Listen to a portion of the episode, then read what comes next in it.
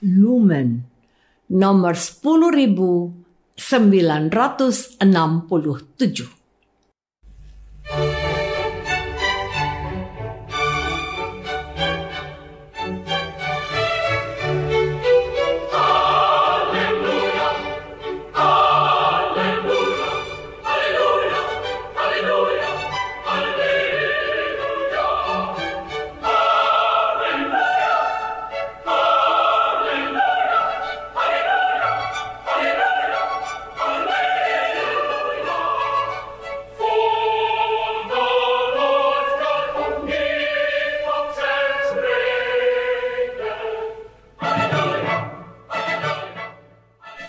Saudara pendengar di segenap penjuru tanah air, selamat bergabung dengan Lumen Indonesia. Lumen Indonesia siap melayani Anda setiap hari. Saudara terkasih, marilah kita bersatu dalam Tuhan kita Yesus Kristus yang tidak berubah dahulu, sekarang, dan selama-lamanya.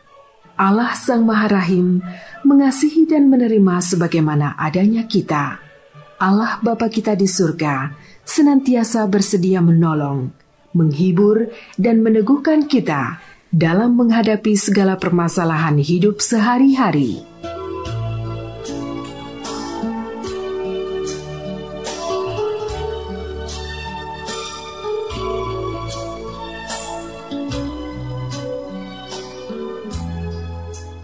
Saudara-saudari, marilah kita mendengarkan renungan dengan judul Sempurna di hadapan Allah.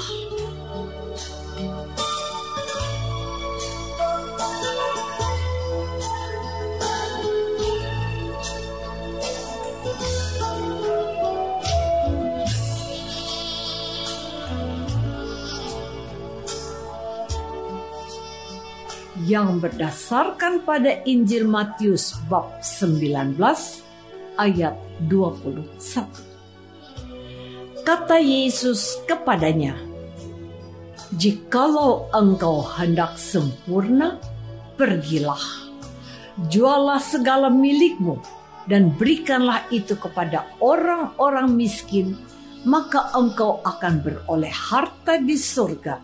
Kemudian datanglah kemari dan ikutlah aku.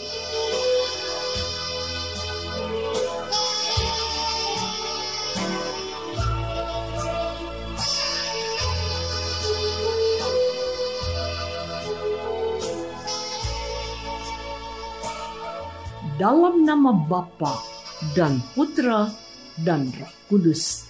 Amin. Saudara-saudari terkasih dalam nama Tuhan Yesus Kristus.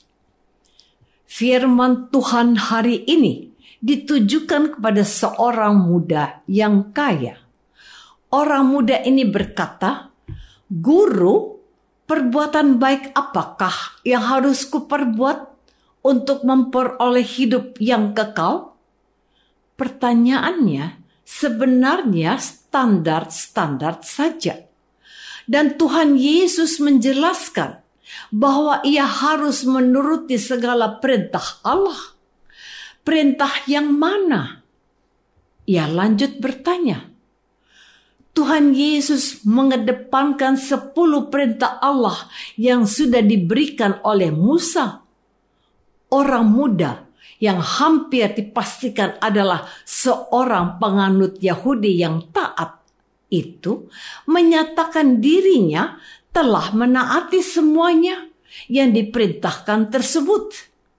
Matius penginjil yang menulis Injilnya untuk penganut Kristen ex penganut agama Yahudi mau memberikan tekanan khusus di sini bahwa menaati apa yang diperintahkan sebagaimana ada dalam hukum Taurat saja belumlah cukup Tuhan Yesus menekankan hal baru dalam ajarannya bahwa orang yang ingin masuk ke dalam hidup kekal haruslah siap berbagi. Itulah sebabnya Tuhan berfirman hari ini, "Jikalau engkau hendak sempurna, pergilah, jualah segala milikmu, dan berikanlah itu kepada orang-orang miskin, maka engkau akan beroleh harta di surga. Kemudian datanglah kemari dan ikutlah aku. Saudara-saudari terkasih, ketika orang muda itu mendengar pergilah ia dengan sedih sebab banyak hartanya. Itulah sikap dan tindakan seorang muda yang kaya dan merasa diri sudah sempurna menaati perintah-perintah Tuhan.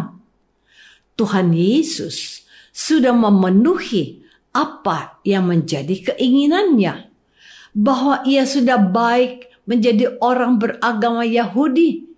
Namun, kalau ia mau menjadi pengikut Yesus dan memperoleh hidup yang kekal, ia harus menjadi pribadi yang mau berbagi dengan orang-orang yang tidak kaya atau orang-orang miskin. Sayangnya, pemuda kaya itu tidak siap untuk menaati perintah kasih yang sesungguhnya menjadi jiwa dari seluruh perintah-perintah Allah yang sudah ia taati selama ini. Ia terlalu melekat erat pada kekayaannya. Ia enggan berbagi dengan orang lain. Ia hanya memikirkan kepentingannya sendiri. Ia menanyakan tentang keselamatan dirinya sendiri dia tidak memikirkan keselamatan orang lain. Dia tidak peduli akan nasib orang lain.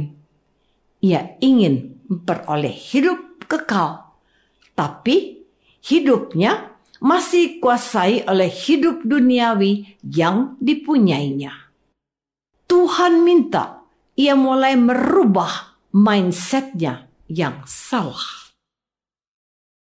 Saudara-saudari terkasih, seseorang yang sangat aku cintai dalam hidupku saat ini berkata kepadaku, "Enak ya menjadi orang kaya?"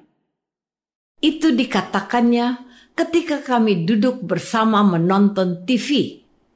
Di acara infotainment itu ditampilkan kehidupan seorang selebriti yang kaya raya dia bisa pergi ke mana-mana, membeli apa saja, hidup mewah dan serba ada.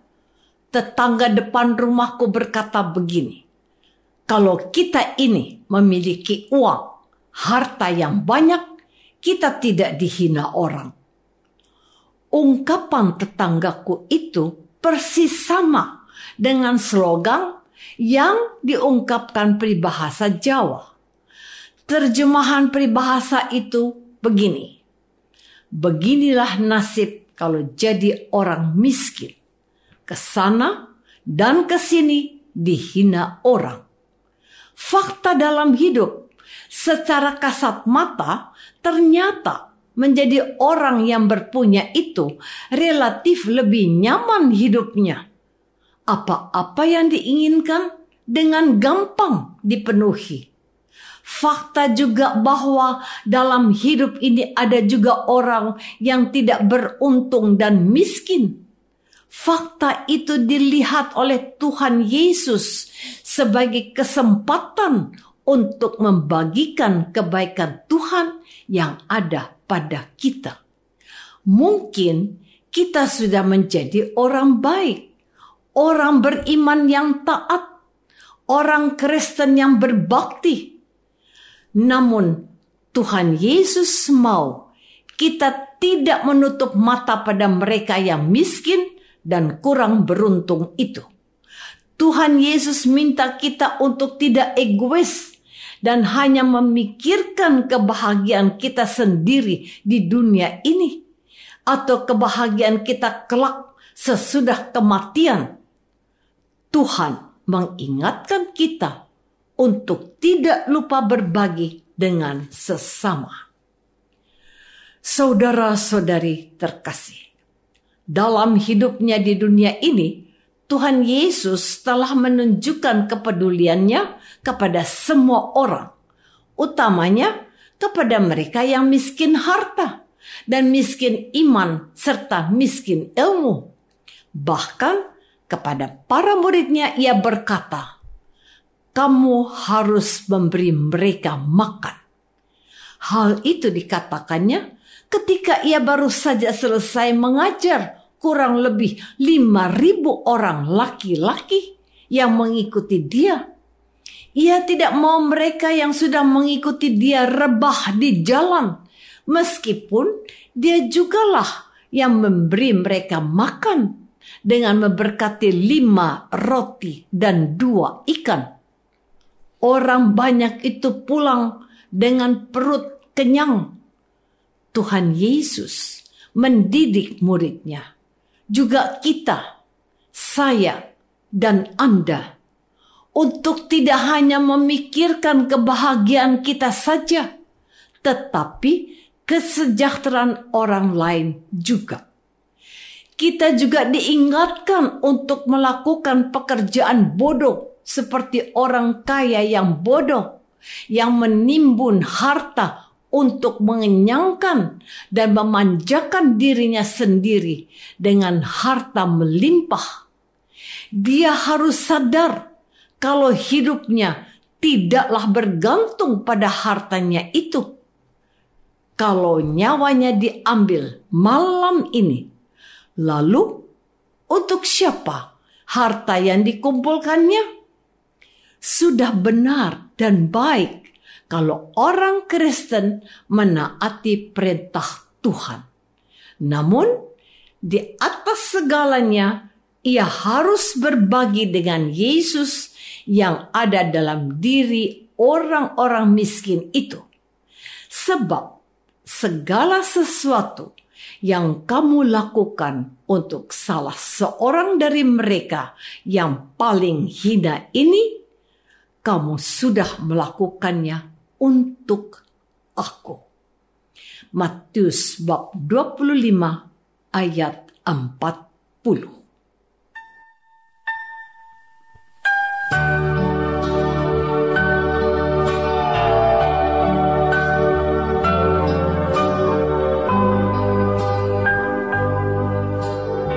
Saudara terkasih, marilah kita masuk dalam saat hening sejenak untuk meresapkan renungan yang baru saja kita dengar bersama dalam kehidupan iman kita masing-masing.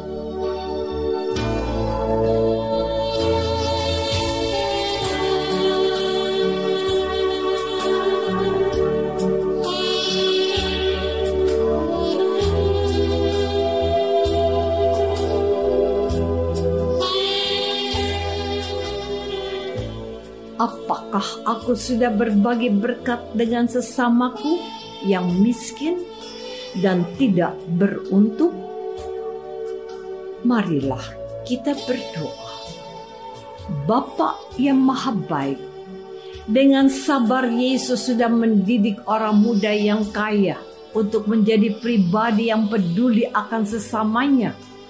Bantulah kami dalam hidup kami juga peduli pada sesama yang miskin demi Kristus, Tuhan dan pengantara kami. Amin. Semoga kita semua selalu dinaungi dan dibimbing oleh berkat Allah yang Maha Kuasa, Bapa dan Putra dan Roh Kudus. Amin.